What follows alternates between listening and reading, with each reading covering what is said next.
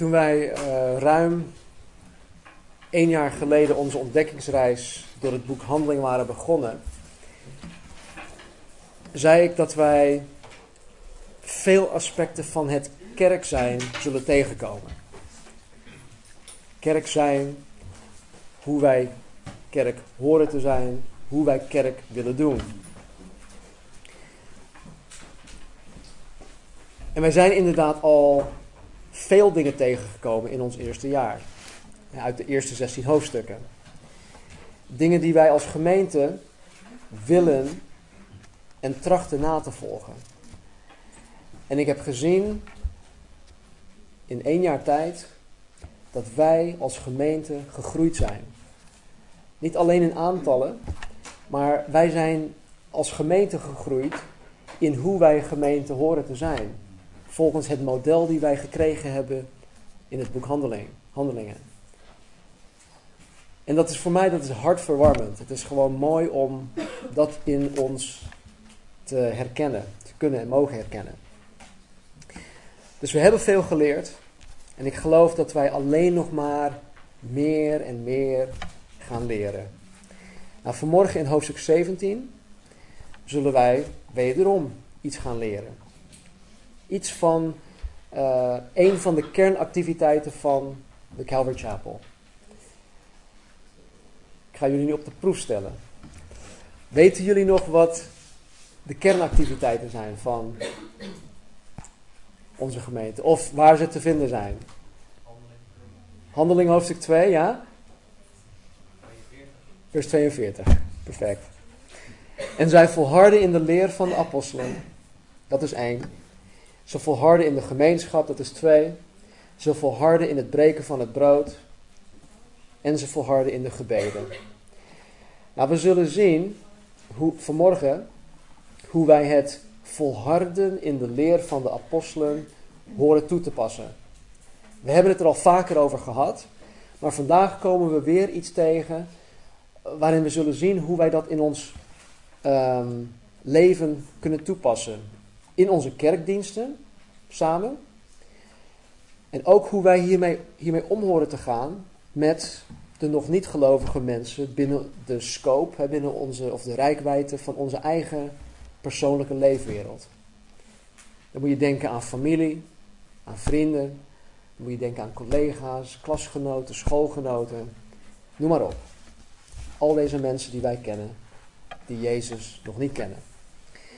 Nou, ik wil beginnen met hoofdstuk 17, uh, eh, vers 1. Ik had gehoopt dat wij de eerste 15 versen konden afmaken. Maar ik vrees dat we niet verder zullen komen dan vers 9. Dus. Vers 1. En zij namen, oh, ze namen de weg via Amphipolis en Apollonia en kwamen, kwamen sorry hoor, helemaal opnieuw. En ze namen de weg via Amphipolis en Apollonia en kwamen in Thessalonica, waar een synagoge van de Joden was. En Paulus ging naar zijn gewoonte bij hen naar binnen. En drie sabbatten lang ging hij met hen in gesprek vanuit de schriften.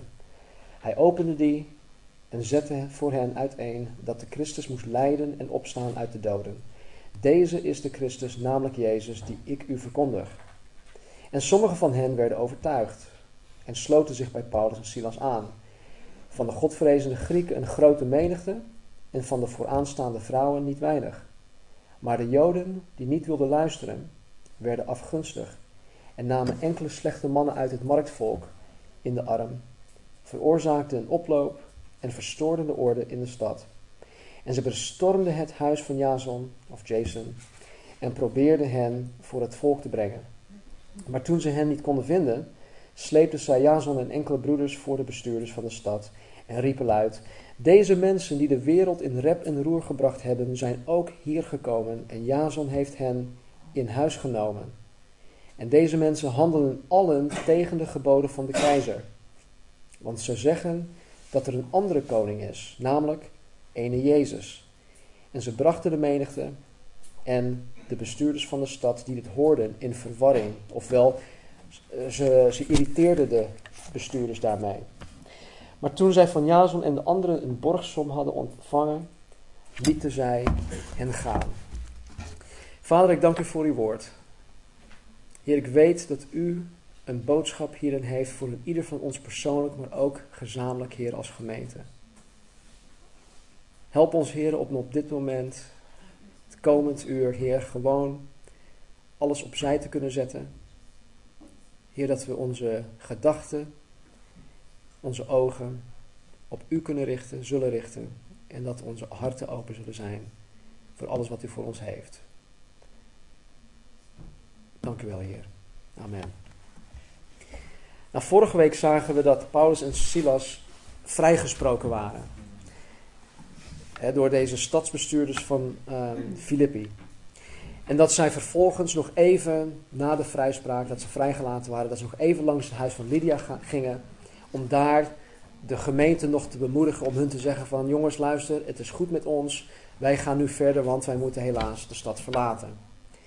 En zij bemoedigden de gemeente daarmee. En ze vertrokken. Dus ze vertrokken uit Filippi. En in vers 1 staat: ze namen de weg via Amphipolis en Apollonia.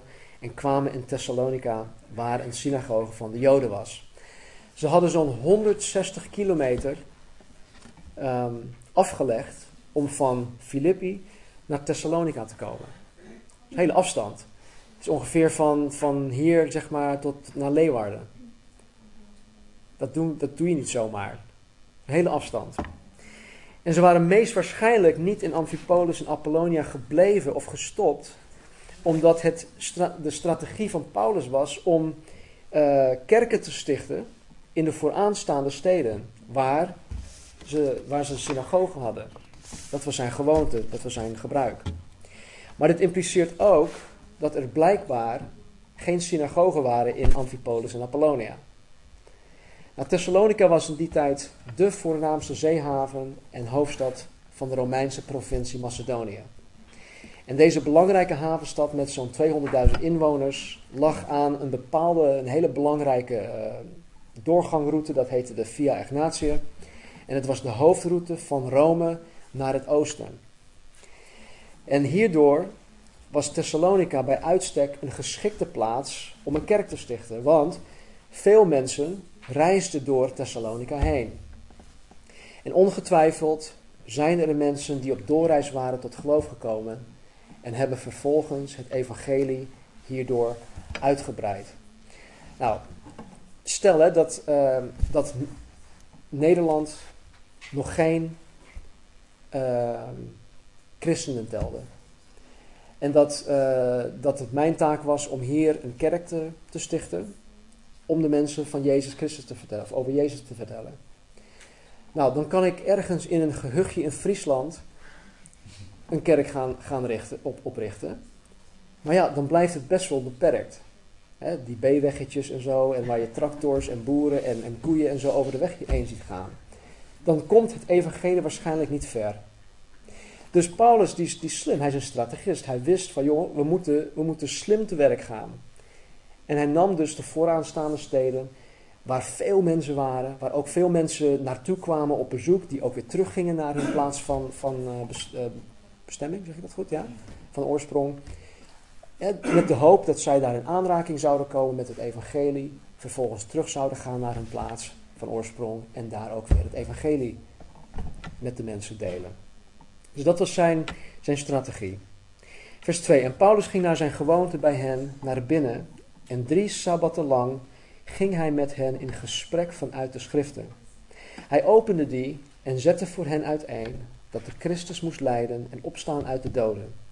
Deze is Christus, namelijk Jezus. Of deze is de Christus, namelijk Jezus, die ik u verkondig. De Paulus ging de synagoge in en drie weken lang opende hij de schriften, staat er. Het openen van de schriften betekent dat de Bijbel toegankelijk gemaakt wordt voor het begrip. Met andere woorden, dat de dingen die in de Bijbel staan voor de mens, zowel jong als oud, te begrijpen worden. Dat betekent het openen van de schrift. Dat, dat wij het kunnen begrijpen. Er is een voorbeeld in uh, het boek van Nehemia. Na, uh, de opbouw van de muur om de stad Jeruzalem roept Ezra en Nehemia roepen alle mensen bijeen. En er staat er op een gegeven moment dat zij de Bijbel openden en dat zij hen onderwezen en dat zij uitleg gaven, zodat de mensen het konden begrijpen. En omdat de mensen het begrepen, gingen ze met blijdschap weer naar huis toe. En ze gingen feesten, want er staat dat ze dus met veel vreugde en blijdschap naar huis toe gingen. En ze gingen eten en ze gingen feesten. Waarom? Omdat ze Gods woord hadden begrepen. Het werd hen duidelijk gemaakt. Het werd toegankelijk gemaakt voor begrip. Nou, ook zette Paulus de schriften uiteen. Het Grieks woord voor het uiteenzetten wordt op verschillende manieren gebruikt. Zowel binnen de Bijbel en al als buiten de Bijbel. Nou, ten eerste wordt dit woord gebruikt om iemand een maaltijd voor te zetten. Weten jullie nog, vorige, vorige week uh, lazen we over de, de cipier die Paulus en Silas mee naar huis nam. En er staat er dat hij een, een tafel of iets dergelijks voorzette. Even mijn losse vertaling. Nou, met andere woorden, hij had voor hun gekookt en hij had de tafel gezet, of gedekt en hij maakte voor hun een maaltijd. Nou, dat betekent uiteenzetten ook. Het is dat je een maaltijd voorzet. Nou, wat doen wij als gezonde mensen wanneer wij aanschuiven en ons een maaltijd wordt voorgezet? Gaan we eten. En wanneer we eten, hè, wanneer we gaan eten, door middel van het assimilatieproces, wordt datgene dat wij eten deel van wie wij zijn. Het is echt zo hoor. Jullie kijken me allemaal aan. Maar het is echt zo. Er is een gezegde in de States: You are what you eat. Maar het is ook echt zo. Ten tweede wordt het woord uiteenzetten gebruikt om iets van waarde aan iemand toe te vertrouwen. Nou, wat verwacht je als jij iets van waarde aan iemand toevertrouwt? Nou, ik verwacht op zijn minst dat die persoon daar zorgvuldig mee omgaat. Toch? Maar liefst, liefst zie ik dat die persoon datgene dat hem toevertrouwd is, koestert. En dat hij het beschouwt als iets dat nog veel belangrijker is dan iets van zichzelf. En ja, dat, dat heb ik van huis uit meegekregen. Dat als, als, je iemand, ja, als iemand jou iets leent of zo, dat je daar gewoon heel goed mee om moet gaan. En als iemand je iets ja, toevertrouwt, ja, dan hoort dat gewoon zo te zijn. Ten derde wordt het woord gebruikt om iets als bewijs voor te stellen of om iets aan te tonen. Nou, wanneer iemand via Schiphol van of naar het buitenland reist, dan wordt de reiziger gevraagd om hun reisdocument te overhandigen, te laten zien. En dat kan zijn een paspoort of dat kan zijn een identiteitskaart, maakt niet uit. Afhankelijk van waar je naartoe reist.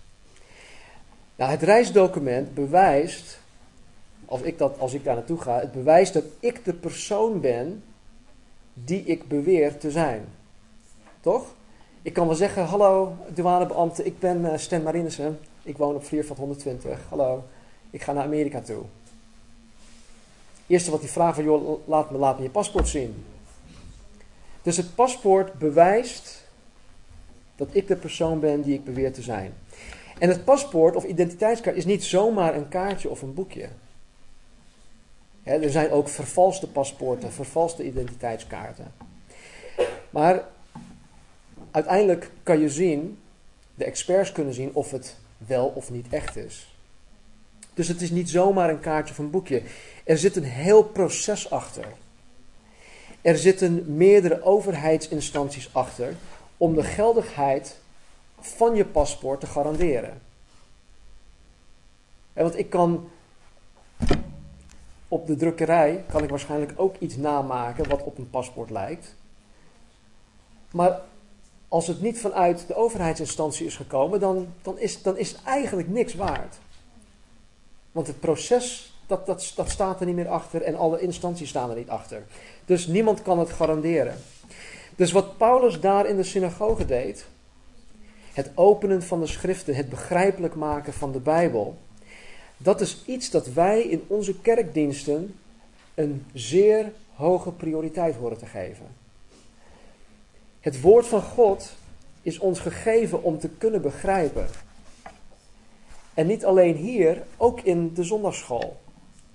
Wij moeten de kinderen niet onderschatten dat zij, dat zij te jong zijn of te klein zijn, dat ze het niet kunnen begrijpen. Want het is te begrijpen.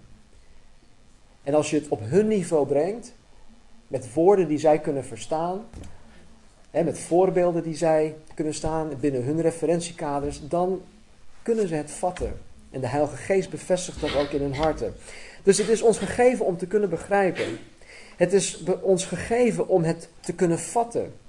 Het is ons gegeven zodat wij God leren kennen.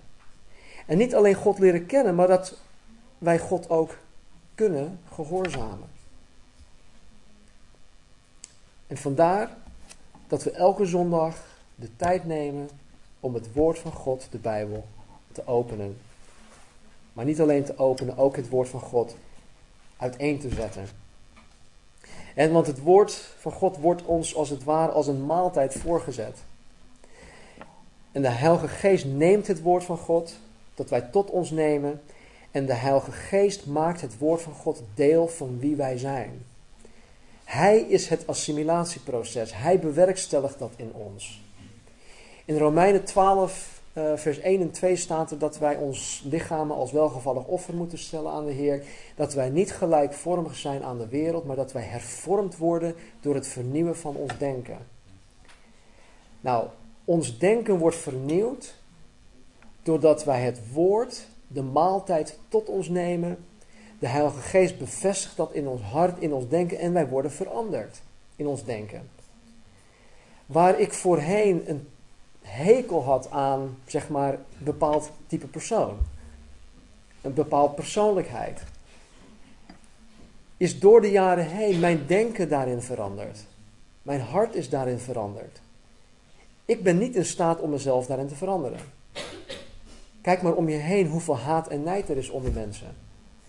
Maar God heeft mij veranderd dat ik nu deze mensen, waar, waar ik vroeger gewoon echt een, een, een hekel aan had, dat ik hun nu lief kan hebben. Dat mijn hart compassie heeft, dat het uitgaat naar die mensen, want ik wil dat zij Jezus Christus leren kennen. Dat is een werk van Gods geest wanneer Hij het, het woord van God assimileert en dat het een deel wordt van wie ik ben of wie wij zijn. Het kostbaar woord van God wordt ons ook toevertrouwd. Het wordt ons toevertrouwd. En wij horen het niet, ja, we horen er niet alleen goed mee om te gaan, wij horen het te koesteren. Wij horen het als ons allerbelangrijkst bezit te beschouwen.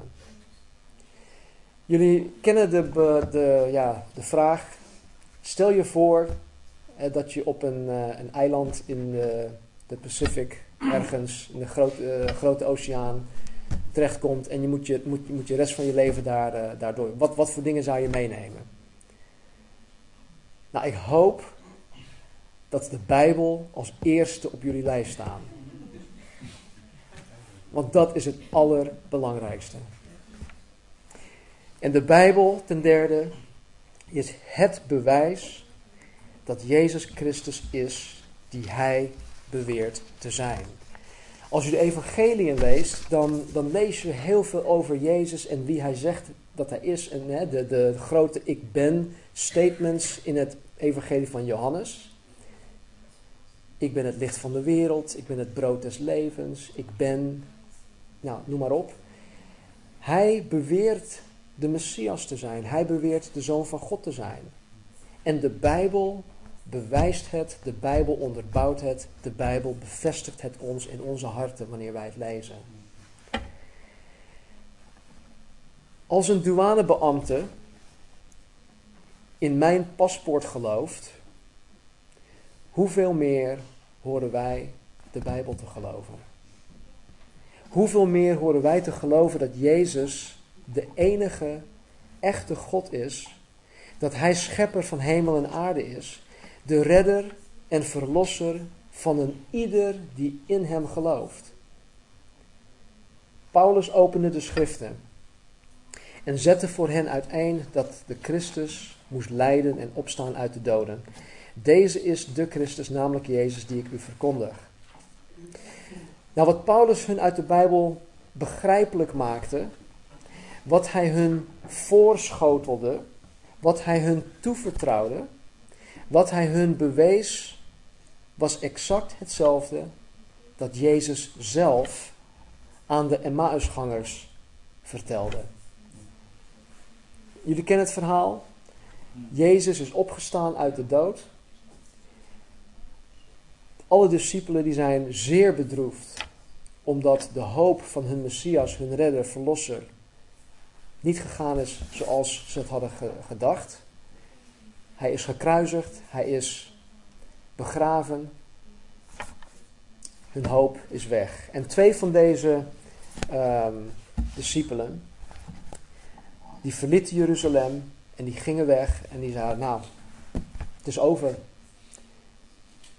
Op naar de volgende. En dan lezen we hier in Lucas 24, beginnen we met vers 13, dit verhaal. Lucas 24, beginnen met vers 13.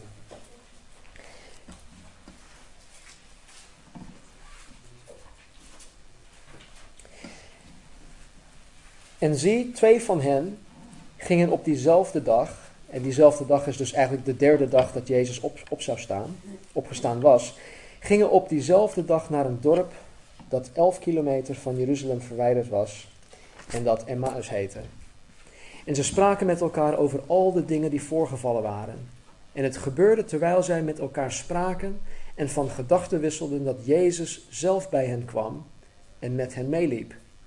Maar hun ogen, maar hun ogen werden gesloten gehouden zodat ze hem niet herkenden.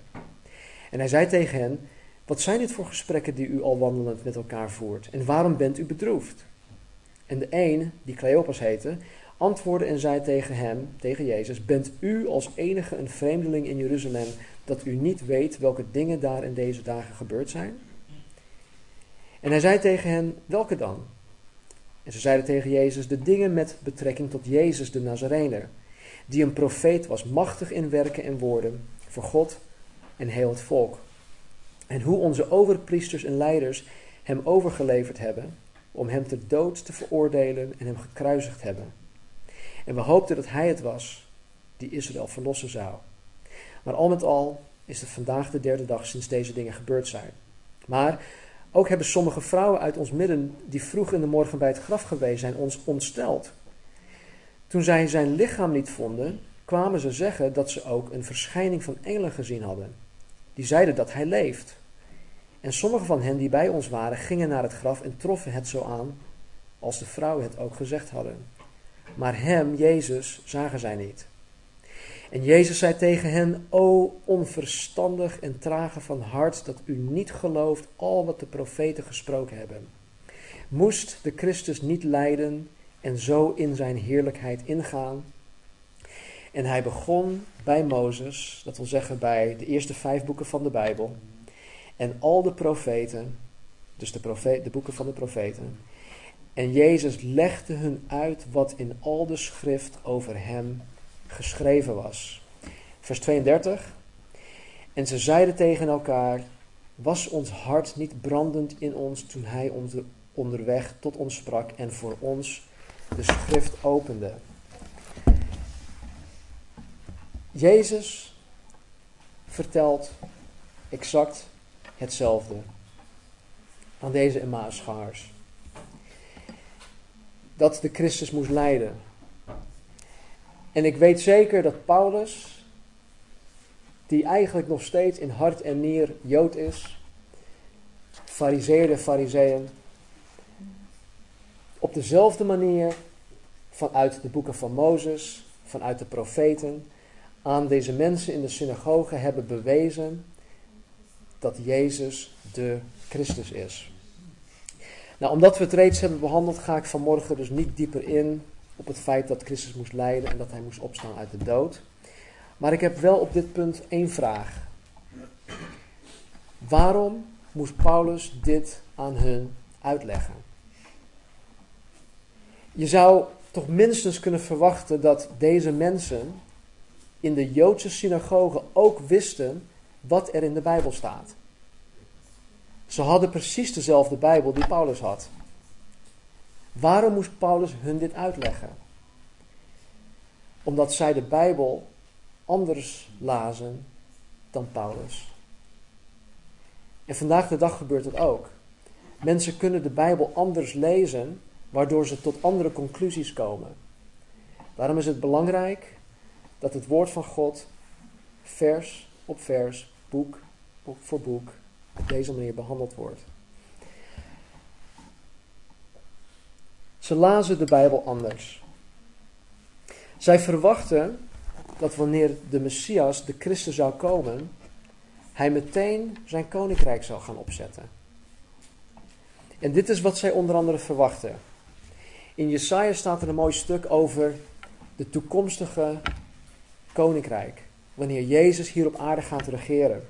En er staat er, ik zal het even voorlezen. Uh, Jesaja 11, 6 tot 9. En dit is volgens mij uit het boek. Dan zullen de wolf en het lam bij elkaar liggen. Er zal vrede heersen tussen panter en geit. Kalveren en mestvee zullen veilig tussen de leeuwen kunnen lopen en een klein kind zal hen hoeden. De koeien zullen tussen beren grazen, jonge beertjes zullen bij kalveren liggen en de leeuwen zullen net als de koeien gras eten. Baby's zullen veilig tussen giftige slangen kruipen en een klein kind dat zijn hand in een nest met giftige adders steekt, zal hem er weer ongeschonden uithalen. Op heel mijn heilige berg in Jeruzalem zal niemand en niets schade aanrichten of vernietigen, want zoals het water de zee vult, zal de aarde vol zijn van de kennis van de Heere. Wat de Joden van die dag en wat de Joden van vandaag nog steeds verwachten, is de Messias die zijn koninkrijk op aarde zal vestigen. Dat, ze dat hij deze periode in zal leiden of in zal wijden. En wat zij verwachten is bijbels. Want het staat hier, we hebben het net gelezen. Wat zij verwachten is correct. Deze komst van de, van de Messias wordt zowel in het Oud Testament als het Nieuw Testament voorspeld. Honderden profetieën over de komst van de Messias. Alleen wij, dus niet de Joden, maar alleen wij, die Jezus nu kennen als onze Messias, weten dat wanneer de Bijbel spreekt over het vestigen van zijn koninkrijk hier op aarde, het over de wederkomst van Jezus Christus gaat. En de tweede komst van Christus. Niet te verwarren met de opname van de gemeente, maar de wederkomst.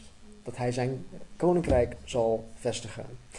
Dus de Joden die Paulus toesprak, wisten niet dat de Christus twee keer naar de aarde toe zou komen. Zij waren onder de veronderstelling dat hij maar één keer zou komen. En niet als iemand die zou lijden als een lam, nee, maar iemand die geregeren zou. Dus Jezus is ruim 2000 jaar geleden voor de eerste keer op aarde gekomen als het lam van God die de zonde van de wereld wegneemt. En bij zijn wederkomst, de tweede keer, zal hij als koning der koningen terugkomen, zal hij als rechter over levenden en doden terugkomen. En dit is de reden waarom Paulus het aan hen moest uitleggen. Want ze lazen het anders, ze lazen er overheen, ze snapten het niet. Vers 4. En sommigen van hen werden overtuigd en sloten zich bij Paulus en Silas aan. En van de godvrezende Grieken een grote menigte en van de vooraanstaande vrouwen niet weinig. Nou, per saldo kwamen sommige van de Joden tot geloof, maar heel veel van de godvrezende Grieken. Deze godvrezende Grieken waren heidenen, dus niet Joden, die in de ene God van Israël geloofden. Maar ze hielden zich niet strikt aan de geloofsregels van het Joods geloof, zoals de besnijdenis en dergelijke. Cornelius uit hoofdstuk 10 was zo'n iemand. En bijna overal waar Paulus het evangelie bracht, vond hij zijn grootste aanhang onder deze groep mensen. De godvrezende Grieken. Vers 5. Maar de Joden die niet wilden luisteren, werden afgunstig en namen enkele slechte mannen uit het marktvolk in de stad. Zij bestormden het huis van Jason en probeerden hen voor het volk te brengen. Uit eigen belang wilden deze Joden niet luisteren. Ze wilden niet luisteren. Ze waren bezig om een eigen koninkrijk te bouwen. En toen ze zagen dat de leden van hun synagoge hun lidmaatschap opzegden, zeg maar, en zich bij Paulus en Silas aansloten, werden zij jaloers. Ze werden afgunstig. En wat doen ze? Ze namen een aantal schurken die altijd op het marktplein rondhingen en ze begonnen een rel. Vers 6. Maar toen ze hen niet konden vinden, sleepten zij Jason en enkele broeders voor de bestuurders van de stad en riepen luid: Deze mensen die de wereld in rep en roer gebracht hebben, zijn ook hier gekomen. En Jason heeft hen in huis genomen. En deze mensen handelen allen tegen de geboden van de keizer. Want ze zeggen dat er een andere koning is, namelijk ene Jezus. Nou, de beschuldiging vind ik, vind ik interessant, het boeit mij. Ondanks dat de ongelovige Joden het zo ervaren, worden Paulus en Silas niet beschuldigd van het stelen van schapen. Stelen van schapen, wat bedoel je daarmee? Nou, het feit dat zij leden van de synagoge van deze Joden hebben afgepakt. De Joden hebben dat zo ervaren. En het is net alsof, ehm, ja, hoe zou ik dat uh, zeggen? Stel dat iemand bij ons de kerk binnenkomt en hij draait een aantal zondagen met ons mee, zeg maar drie. En hij brengt een evangelie of een boodschap, een andere boodschap, die jullie aanspreekt. Want het is een boodschap die te maken heeft met minder lijden voor Jezus. Uh, het, het, het, het, is meer aantrekkelijk. Het is meer, um, ja, het is anders verpakt. En dan zegt hij tegen ons, of tegen jullie, achter mij om dan, zegt hij, jongens, we gaan een, uh, een andere kerk beginnen in Nieuw-Vennep. Willen jullie met, met ons meekomen? Nou, daar zou ik niet blij, blij mee worden. Want ik geloof dat God een heel mooi werk hier is begonnen. Dus ik zou dat als het stelen van schapen beschouwen. Als voorganger zijnde, als herder zijnde. En ik denk dat deze, Joods, deze Joodse mensen, deze Joodse leiders, dat ook op, op die manier zagen. Maar zij waren toch anders bezig. Want uit eigen belang, ze, ze hadden vooraanstaande Griekse vrouwen in hun, in hun gemeente. Nou, dat betekent sowieso al um, geld. Vooraanstaande Grieken, dat betekent ook geld. En ze wilden hun eigen koninkrijkje bouwen. Dus doordat ze die mensen kwijtraakten, uh, werden ze jaloers. Goed, misschien is het geen goede goed voorbeeld, maar om het een beetje idee te, te geven. Dus ondanks dat ze dat op die manier hadden ervaren, werden Paulus en Silas beschuldigd van tot iets totaal anders. Zij worden ten eerste beschuldigd van het veroorzaken van een grote opschudding en een opstand in in de stad in het Romeins Rijk, wat ze destijds de wereld noemden. Dan worden ze ook nog eens beschuldigd van hoogverraad, omdat ze een geheel andere koning verkondigen en daarmee de positie van de keizer uh, bedreigden, in gevaar brachten. En Jezus werd hiervan ook beschuldigd. In Lucas 23:2 staat er: En zij begonnen Jezus te beschuldigen en zeiden: Wij hebben ontdekt dat deze het volk ten verderven voert. En dat hij verbiedt belasting te betalen aan de keizer. En dat hij, en dat hij van zichzelf zegt dat hij de koning is. Ze beschuldigden Jezus daar ook van. In Johannes 19:12. Van toen af, dus na de arrestatie van Christus, probeerde Pilatus Jezus los te laten. Maar de Joden schreeuwden: Als u deze loslaat, bent u niet de vriend van de keizer. Iedereen die zichzelf koning maakt, verzet zich tegen de keizer. Op een gegeven moment zei Jezus tegen zijn discipelen: Een slaaf is niet meer dan zijn heer. Of zijn slaaf is niet groter dan zijn meester. Als zij mij als meester vervolgd hebben, zullen zij ook u vervolgen. Jezus werd ten onrechte beschuldigd. Paulus en Silas, overal waar ze kwamen, werden ten onrecht beschuldigd. Laten wij ons uiterste best doen om altijd ten onrechte beschuldigd te worden. Ja? Met andere woorden, doe niets waaraan je schuldig verklaard kan worden. Laten we ons uiterste best doen om altijd ten onrechte beschuldigd te worden. Vers 8. En ze brachten de menigte en de bestuurders van de stad die dit hoorden in verwarring. Maar toen ze van Jason en de anderen een borgsom ontvangen hadden, lieten zij hen gaan. Nou, de beschuldiging van hoogverraad konden de Joden niet bewijzen. Het was iets dat ze verteld hadden, maar ze konden niet bewijzen. bewijzen. Waardoor de menigte en deze stadsbestuurders geïrriteerd raakten. Een hoop, hoop ophef, maar er kwam uiteindelijk niks uit. Maar om dit soort opschudding te voorkomen, vroegen zij van Jason en de anderen een borgsom om hen te garanderen dat Paulus en Silas de stad uitgingen en nooit meer terug zouden komen. Toegang tot Thessalonica was Paulus verboden. In de brief aan de Thessalonicenzen zien we dat uh, Paulus tegen, uh, aan hen schrijft en hij zegt: De Satan heeft mij verhinderd om terug te komen naar jullie. En het kan zijn dat hij dit bedoelt: dat de Satan de overheid heeft gebruikt om hem toegang tot de stad uh, te weigeren. Nou, er valt nog veel meer over dit verslag van Thessalonica te zeggen, maar ja, omwille van de tijd moet ik het hierbij laten. Wat ik wel wil zeggen, zoals ik vorige week ook heb gezegd, lees deze week de twee brieven aan de Thessalonicenzen. Het, is, het zijn korte brieven. Je hebt het in een kwartiertje of zo heb je het uitgelezen. Er staat heel veel in waardoor, ja, waardoor de verbanden ook duidelijker worden. Waardoor je ook meer inzicht zal krijgen in, in deze zendingsreis van, uh, van Paulus. Nou, ik wil nog naar één ding kijken. En dat is hoe Paulus te werk ging met deze ongelovigen in de synagoge. Ten eerste, we, we, hebben het van de, week, van de week nog over gehad met, uh, in een gesprek met Joey. En uh, ten eerste stond Paulus niet buiten de synagoge met een spandoek in zijn hand om de bezoekers te waarschuwen voor de misvattingen van het Joods geloof. Nee, hij ging naar de mensen toe. Hij benaderde de mensen. Hij ging met hen in gesprek vanuit de schriften.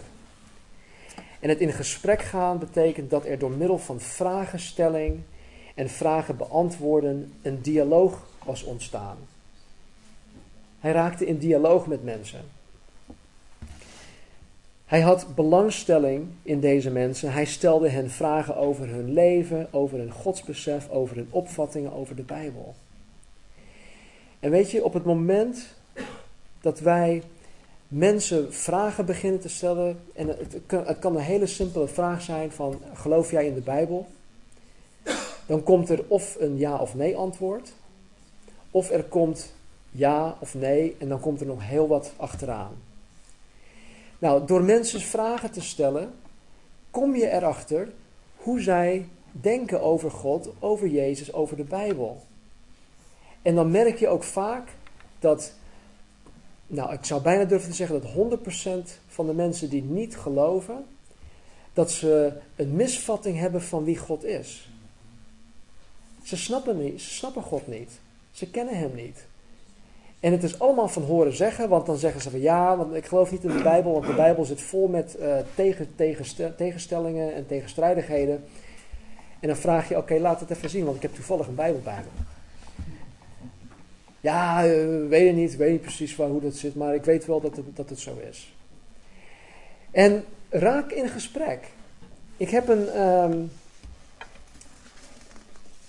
een voorbeeld van een collega, nou daar kom ik straks op terug. Op het moment dat wij in gesprek gaan met mensen, dan, dan, dan vertellen mensen ons iets waardoor wij in kunnen haken op hun antwoorden of op hun vragen met de Bijbel. Door de schriften te openen. En het geeft de mensen iets om over na te denken. En misschien op dat moment bieden ze nog steeds weerstand of zeggen zo: ja, oké, ja, het is, uh, is, goed voor jou, maar ik, ik wil er niks mee te maken hebben. De Heilige Geest brengt dat weer naar boven op momenten dat ze stil zijn, dat ze in bed liggen, of noem maar op. En het is het woord van God die de Heilige Geest gebruikt om hun denken te doen gaan veranderen. Dus Paulus haakte in op hun antwoorden door de schriften te openen. En hij gaf hun het bewijs uit de Bijbel dat Jezus inderdaad degene is die Jezus beweert te zijn. Nou, ik geloof dat dit ook onze handelswijze moet zijn in het benaderen van de nog niet gelovige mensen binnen ons persoonlijk leefwereld. en ik vind dat een positieve term, nog niet gelovigen, want dan ga ik ervan uit dat ze wel tot geloof gaan komen. Als God het op mijn hart plaatst om voor iemand te bidden, dan is het niet dat God zegt, ja bid voor die persoon, maar hij, hij komt toch niet tot geloof. Nee, God legt het op mijn hart met de bedoeling dat die persoon uiteindelijk toch tot geloof gaat komen. En er zijn genoeg bewijzen in ons persoonlijk leven, misschien ook in jullie leven, van mensen waarvoor je jarenlang hebt gebeden, die uiteindelijk tot geloof in Jezus Christus zijn gekomen. Ik heb een, uh, een praktijkvoorbeeld. Ik heb een collega bij de Shell. Uh, het is een jonge dame die, uh, waarmee ik in de afgelopen paar jaar bevriend mee ben geraakt. En het is een, uh, het is een lesbienne. En ik had ooit de gelegenheid om samen met haar uh, op pad te gaan. Dus we gingen vanuit Den Haag, ons hoofdkantoor, naar Breukelen toe met de trein. Dus we zaten een uur of zo op de trein, moesten overstappen en dergelijke. En dan raak je zo'n gesprek en uh, nou, ze had het over, over haar leven en haar levensstijl. En ik, ik vroeg gewoon, want ja, het belangstelling, joh, vertel me, hoe ben jij tot de conclusie gekomen dat je lesbienne bent? Want je zei dat het zes jaar geleden of zo was gebeurd. Hoe ben je tot die conclusie gekomen? En ze begon te vertellen. En ze begon haar hart te luchten. En ze begon te vertellen over haar achtergrond en haar thuissituatie en over haar vader, die, eh, nou, verhalen. En door dat gesprek, door interesse, door belangstelling te tonen, kwam er heel veel uit. En doordat er veel uitkwam, kon ik inhaken op haar verhaal en ik kon haar laten weten dat, dat Jezus Christus ook van lesbiennes houdt. Dat Jezus Christus ook van homoseksuelen houdt. En sindsdien, dat is ongeveer anderhalf jaar geleden, sindsdien werk ik nu nog maar twee dagen per week uh, bij Shell. En elke maandagochtend zoeken we elkaar op, of zij zoekt mij op. En ze vraagt, joh, hoe was het zondag? En hoe was het met kerst? En hoe was het uh, met de jongeren? En uh, hoe ging het in de kerk? En dat soort dingen. En ze zegt, en dit is een gigantisch compliment, en ik, ik wil mezelf daar geen schouderklopje voor geven, maar zo hoort het echt te zijn. Zij zegt tegen mij, hoe jij het brengt is geheel anders dan, dan ik het ooit heb gehoord. Dus alle misvattingen over God, die zij door haar leven heen heeft meegekregen, die zijn door het openen van de schrift, door in gesprek met haar te gaan, door vragen te stellen, door in een dialoog met haar te raken, zijn zijn nu aan het veranderen. Haar denkproces is aan het veranderen. En ze begint God en de Bijbel anders te zien. En niet alleen omdat ik dat vertel, maar ze ziet het ook in ons. Ze ziet het in mij, ze ziet het in hoe ik met mijn collega's omga, ze ziet het in hoe ik met mijn vrouw, met mijn kinderen omga. En ja, ik vertel over jullie en ik vertel over de jongeren en ja, het, het is gewoon geweldig. En ze ziet met eigen ogen dat het ook anders is. Wij moeten mensen absoluut niet vervreemden van het evangelie door hun gedrag of door hun levensstijl af te keuren. Dat is het, ergste wat wij als christenen kunnen doen. Is om mensen en hun levensstijl, hun gedrag af te keuren. Daarentegen moeten wij belangstelling tonen in mensen. er is nog een jongen die, die helemaal afgesloten is van de, van, van de wereld. Die zich helemaal afgesloten heeft van de buitenwereld. Het enige wat hij doet is computerspelletjes spelen. Hoe kan je zo iemand bereiken? Door te zeggen van joh, computerspelletjes zijn van de duivel, dat is fout. Nee. Vraag hem, joh, wat voor computerspelletjes speel je? Hoe werkt dat? Waarom, waarom vind je dat zo interessant? Met, met, met wie speel je dit? Ken je, nog, ken je ook mensen uit de Verenigde Staten? Toon belangstelling. En dan zal er heel veel uitkomen. En dan wat er uitkomt, wat je dan te horen krijgt, daar kan je op inhaken. Door de schriften te openen, door liefde te tonen. Door hun vragen te beantwoorden. Maar voordat wij dit soort stappen gaan zetten, horen wij vurig voor deze mensen te bidden. Ik weet zeker, ik weet zeker dat Paulus vurig voor deze synagoge heeft gebeden. Dat wij bidden dat God hun harten opent, hun ogen opent, hun ontvankelijk maakt voor het evangelie. En dat God ons, hè, jullie de wijsheid geeft. Dat Hij ons de woorden geeft, inzicht geeft, fijngevoeligheid geeft voor deze mensen. Wij hebben het al ontvangen. En ik denk dat wij het al te vaak, en het is makkelijk, ik betrap mezelf daar ook in, dat het makkelijk is om het uit het oog te verliezen. Ons heil, onze vergeving, onze relatie met Christus. En daarom is het goed dat wij vaak heilig avondmaal vieren. Ik persoonlijk doe het niet vaak genoeg. En we hoeven het niet alleen hier in de gemeente te doen, we kunnen het ook thuis doen. En het is heel bijzonder als je dat ook thuis doet, met, met gezin. Of met een broeder of zuster, of in je eentje. Laten we vanmorgen ons geheugen opfrissen van wat Jezus voor ons gedaan heeft. Zodat we vandaag, zodat we deze week met goede moed en vol overtuiging onze leefwereld in zullen gaan. En over Hem te mogen getuigen. Laten we bidden. Vader, ik dank u. Dank u voor uw woord. Heer, ik dank u voor het voorbeeld van Jezus. Heer, ons ultieme voorbeeld die wij willen navolgen. Ik dank u ook, Heer, voor Paulus en voor Silas, Heer, hun voorbeeld. Heer, dat Paulus zelf zegt, volg mij na zoals ik Jezus navolg. Heer, help in ieder van ons dat ook te kunnen zeggen, te mogen zeggen. Heer, dat wij tot anderen kunnen zeggen, volg mij na zoals ik Christus navolg. Breng ons, Heer, tot dat punt. En Heer, gebruik alles, zet alles in, Heer, om dat in ons leven te bewerkstelligen.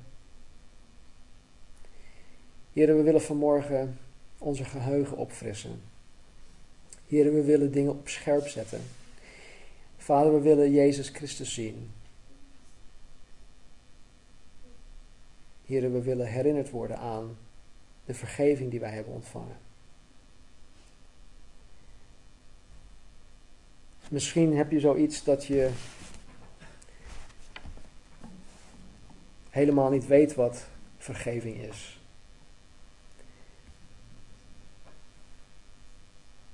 Want je bent wel eens vergeven door iemand. Je vader of moeder of je broer of zus. En dat ze daar toch telkens weer op terugkomen. Dat ze steeds oude koeien uit de sloot halen. En als dat jouw beeld van vergeving is, dan moet dat beeld vanmorgen veranderd worden. Misschien ken je Jezus Christus helemaal niet. Deze Jezus is vanmorgen in ons midden. Om kennis te maken. Om zijn vergeving aan jou te geven. Niet zoals mensen vergeven, maar zoals God vergeeft. En dat betekent dat je helemaal schoongewassen bent van alle zonden wat je ooit gedaan hebt en wat je ooit zal doen tot op de dag dat je van dit leven overgaat naar het eeuwig leven. Vergeving is de grootste nood van elk mens. Het maakt ons vrij. Het neemt de last van ons af. De last waardoor wij ondergebukt gaan door het leven. En het baant de weg vrij om een relatie te krijgen met God, met de schepper van hemel en aarde. Waardoor onze ogen geopend zullen worden. Waardoor we in één keer alles kleurrijk zullen zien in plaats van zwart-wit. Dat we God zullen zien voor wie Hij is, dat we elkaar zullen zien voor wie wij zijn. Hoe God ons ook ziet. Misschien ken je hem vanmorgen wel, maar misschien zit je met jezelf in de knoop. Ik weet hoe dat is. En dat is zo ontzettend slopend. Jezus is er vanmorgen om je te ontknopen. Geef het aan Hem. Geef je over. Ga vanmorgen niet weg zonder dat je Jezus de touwtjes in handen hebt gegeven. En misschien zeg je vanmorgen gewoon: Heer, ik hou van u. Ik volg u na. Maar Heer, ik wil me vanmorgen gewoon helemaal opnieuw toewijden aan u. En wanneer we het heilige avondmaal nuttigen, wanneer het uitgedeeld gaat worden, dan wordt er een lied gezongen. En als je jezelf in deze situaties bevindt, maak het goed met God. Spreek tot Hem. Vanuit je hart. In stil gebed. Spreek tot God. Vraag het Hem. Want Hij is in ons midden. En Hij wil ons raken. Hij wil ons aanraken. Hij wil onze diepste nood vandaag te hulp komen. Dank u wel, Jezus. Dank u wel voor uw bloed, Heer. Zoals we hebben gezongen, daar is kracht, kracht, wonderbare kracht in het bloed van het lam. Heer, uw bloed wast ons schoon van alle zonden. En Heer, wanneer wij onze zonden beleiden, bent u rechtvaardig. Heer, om ons te vergeven van zonde. En het bloed van Christus reinigt ons continu. Dank u wel, Heer. Het bloed van Jezus is een soort dialysemachine. Heren, zoals het bloed gereinigd wordt door de nieren, Heren, reinigt u ons door uw bloed. Dank u wel, Heer. In Jezus' naam, in uw naam. Amen.